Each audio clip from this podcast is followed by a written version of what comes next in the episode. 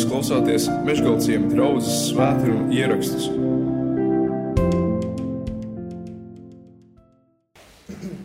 Kā jau es teicu, Ziemassvētkos mēs, mēs domājām par augšanu, eh, par to, vai, vai, vai ir tā, ka katrs gads mūsu dzīvē ved tuvāk Dievam. Ja? Vai mēs viņu vairāk iepazīstam, vai, vai mēs viņu vairāk iemīlam. Šodienas teksts ir ar vārdiem, ka Jēzus Kristus ir tas pats. Vakar, šodien, mūžīgi. Tas pats, tas nozīmē uz kaut kāda veida, tas norāda uz kaut kāda veida nemainību. Un, un jā, liekas no sākuma, ka tā ir tāda, tā tāda pretruna.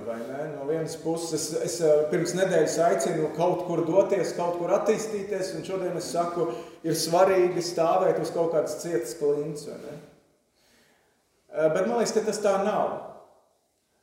Eh, es, man, piemēram, nevisai patīk lidot. Es nejūtos ērti lidmašīnā. Es nejūtos ērti laivā vai uz kuģa.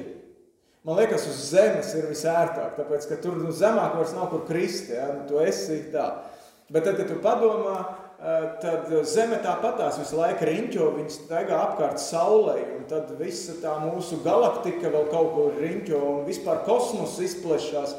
Un tad liekas, nu jā, nu tas mazais puteklītis zemeslode arī nemaz nav tik stabila vieta.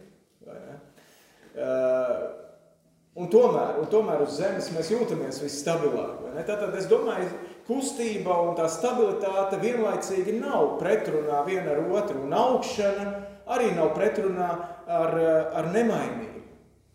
Arī kaut kādā veidā, tāpēc, ka bērni, kad viņi aug ģimenē, viņi attīstās vislabāk tad, ja viņi jūt, ka ir stabila ģimene, stabila tētis un mamma aizmugurē, ne? Tur tā vislabākā attīstība notiek. Un gadiem un laikiem mainoties un ejot mūsu dzīvēm, uh, ir labi zināt, ka ir kaut kas nemainīgs, ir kaut kas, ir kaut kāda klints, uz kuras mēs varam būvēt savu dzīvi. Kā Jēzus saka, Kalnu svētdienas beigās. Jūs varat sekot tagad drusku līdzi arī Bībelēs, ja? vēstulē ebrejiem 13. nodaļa, ko jau mums jūs lasīja. 8. pāns Jēzus Kristus, vakar un šodien tas pats un mūžīgi. Šis ir tas pantiņš, kuras paņēmu kā tādu centru, bet viņš ir ļoti ciešā kopsakarībā ar to iepriekšējo pantu, septīto pantu, kas saka, pieminiet savus vadītājus, kas jums Dieva vārdu ir runājuši. Vērodami viņu dzīves galu, sakojiet viņu ticībai. Mēnesi atpakaļ mēs pieminējām mūsu eh, iepriekšējo senāko mācītāju eh, Arturu Šķuburu, ja, kurš šajā eh, dievnamā kalpoja. Būtībā jā, šī bija viņa pirmā draudze un šī bija viņa pēdējā draudze. Tad viņam būtu 90 gadi palikuši decembra sākumā. Viņš bija liela figūra, darīja lielus un zināmus un paliekošus darbus Baptistu savienībā, vispār visas Latvijas mērogā. Un tās, tās cīņas, un uh, tie, kuras viņš izcīnīja garīgajā laukā 40 un 50 gadus atpakaļ, tās mums kā šodienas draudzēji ir jāzina, mums tās ir jāatcerās. Tas ir svarīgi. Ja? Jo daudzas no tām lietām, ar kurām viņš jau toreiz darbojās, tās arī šodien kaut kādā citādā veidā notiek. Un ir labi no, no pagātnes uh, lietām mācīties. Uh, bet vadītāji ir bijuši, un vadītāji savu dzīvi un cīņu ir nodzīvojuši, un viņi ir beiguši, un viņi ir aizgājuši, viņi ir pagājuši. Nekas nav mūžīgs. Ja?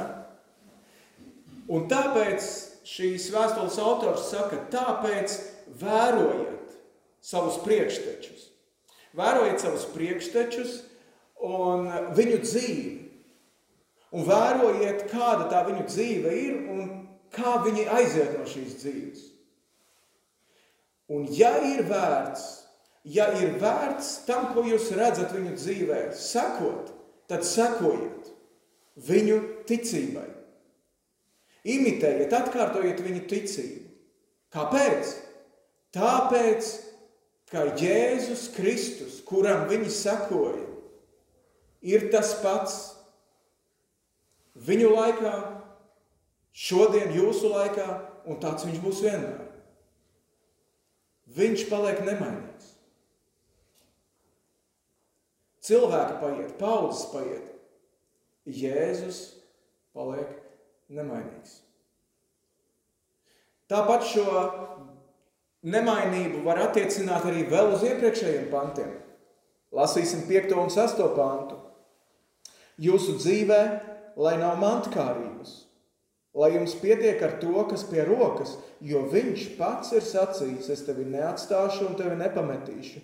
Tā ka mēs droši varam sacīt, tas kungs ir mans palīgs, es nebīšos, ko cilvēks man var darīt.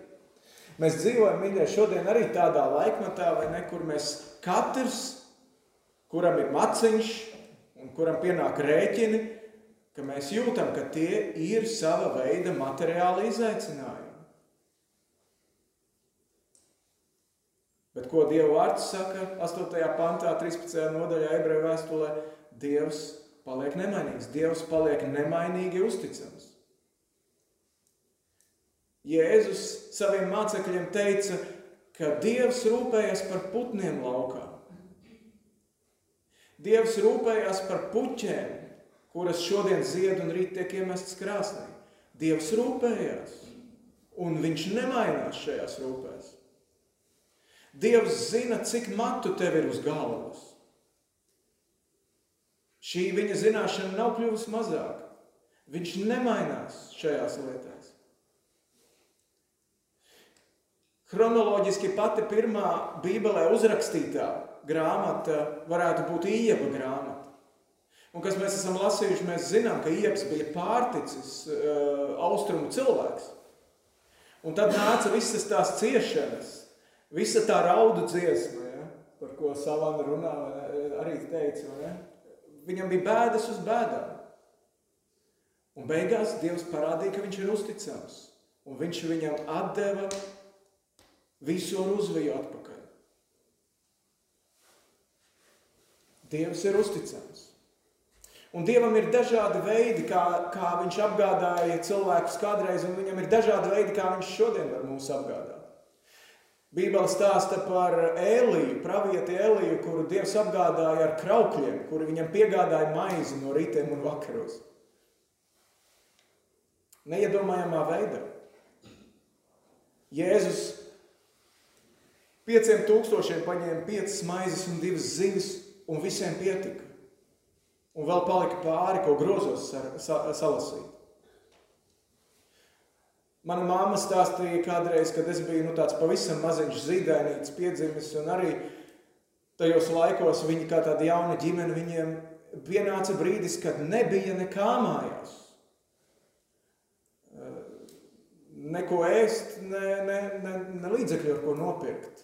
Un vienkārši paskastītē pēkšņi bija aploksnīte ar desmit rubļiem un mazu zīmīti neatpazīstamā rokrakstā ainiņa, lai Dievs tevi svētī. Un tā viņa līdz mūža galam nezināja, kas, no kurienes tā, tā aploksnīte nāca, bet mēs izdzīvojam tajā brīdī. Dievs ir uzticams arī šajās lietās. Dievs ir apsolījis parūpēties par, par savējiem jebkādos laik, laikos, lai jebkādos apstākļos. Viņš ir uzticams un viņš ir nemainīgs. Tāpat mēs to varam attiecināt, ejot vēl vienu pantu uz atpakaļ. Laulība, lai visiem ir godā, un laulības gulta neaptraipīta, jo netiklos un laulības pārkāpējus Dievs sodīs. Šodien mēs zinām, cik ļoti dažādas tendences ir par to, kas ir ģimene, kas ir laulība. Bet ir labi zināt, ka aiz laulības un ģimenes stāv viena nemainīga dzīvības devēja dieva griba. Kas ir kas? Viņa tie ir izaicinājumi mums, tie ir izaicinājumi draudzē šajā laikmetā. Noturēt šo Kristus nemainīgo patiesību, kas nemainās atkarībā no vēja virziena vai no laikmeta prasībām. Un vienlaikus arī izdzīvot un parādīt cieņu un mīlestību pret tiem, kuru dzīvesveidam mēs nepiekrītam. Ne? No, atrast šo balansu starp šīm, šīm abām lietām. Draudzē ir jānos, jānotur līdzsvars starp materiālām rūpēm, kuras mums katram ir. Bet Jēzus saka, nezūdieties. Un tāpat laikā nedzinieties pakaļ kaut kādai materiālai mirāžai, kur jūs nekad arī nesasniegsiet. Bet tām pamatvajadzībām nezūdieties, jums būs. Noturēt šo līdzsvaru. Mums šodien, kā draudzē, ir jānotur šo patiesību starp dažādām idejām un virzieniem, kāda, kāda strāvo šajā pasaulē. Ne par velti nākošais pāns pēc šī astotā panta saka, neaizraujieties, neaizraujieties ar visvisādām svešām mācībām. Kāpēc neaizraujoties ar svešām mācībām? Katrs laikmets nāk ar kaut kādām savām idejām. Tāpēc, ka Jēzus Kristus ir tas pats vakar, šodien un mūžīgi. Patiesība ir nemainīga. Arī ja dažādos laikos tā dažādi ir jāpasniedz. Ja? Katram laikmetam ir savi pasniegšanas veidi, bet tas kodols paliek. Un tas mums ir jāsaglabā. Tev un man. Taču vēl viena lieta pašās beigās. Uzsvars šajā pantiņā iespējams, ka nav tikai uz nemainību uz Dieva nemainību. Šī vārdkopa Jēzus Kristus, kas ir pieminēts 8. pantā, ebreju vēstules 13 nodaļās parādās tikai trīs reizes. Un tas kādiem gudrākiem bībeles lasītājiem ir licis domāt, ka šīs vēstules ebrejiem autors nav mētājies vienkārši ar vārdiem, tā kā mēs dažreiz, ne? Jēzus Kristus, Jēzus Kristus. Viņš ir šo vārdu kopu izmantojis tikai trīs reizes. Un tāpēc šiem vārdiem ir nozīme. Jo ko nozīmē Kristus? Tas nozīmē Mesija, tas nozīmē Dieva sūtītājs, Dieva svaidītājs, kungs, valdnieks, visaugstākais. Un šajā pantā Tātad līdz ar to viņu varētu tulkot tā, ka Jēzus ir Kristus. Jēzus ir Mesija, Jēzus ir un paliek kungs vakar, šodien, un tāds viņš paliks mūžīgi. Par to šie vadītāji, par kuriem bija runāts iepriekšējā pantā, par to šie vadītāji, kuru dzīves jūs vērojat un kur, uz kuru dzīvēm jūs skatāties, par to viņi bija gatavi atdot savas dzīvības to, ka Jēzus ir Kristus.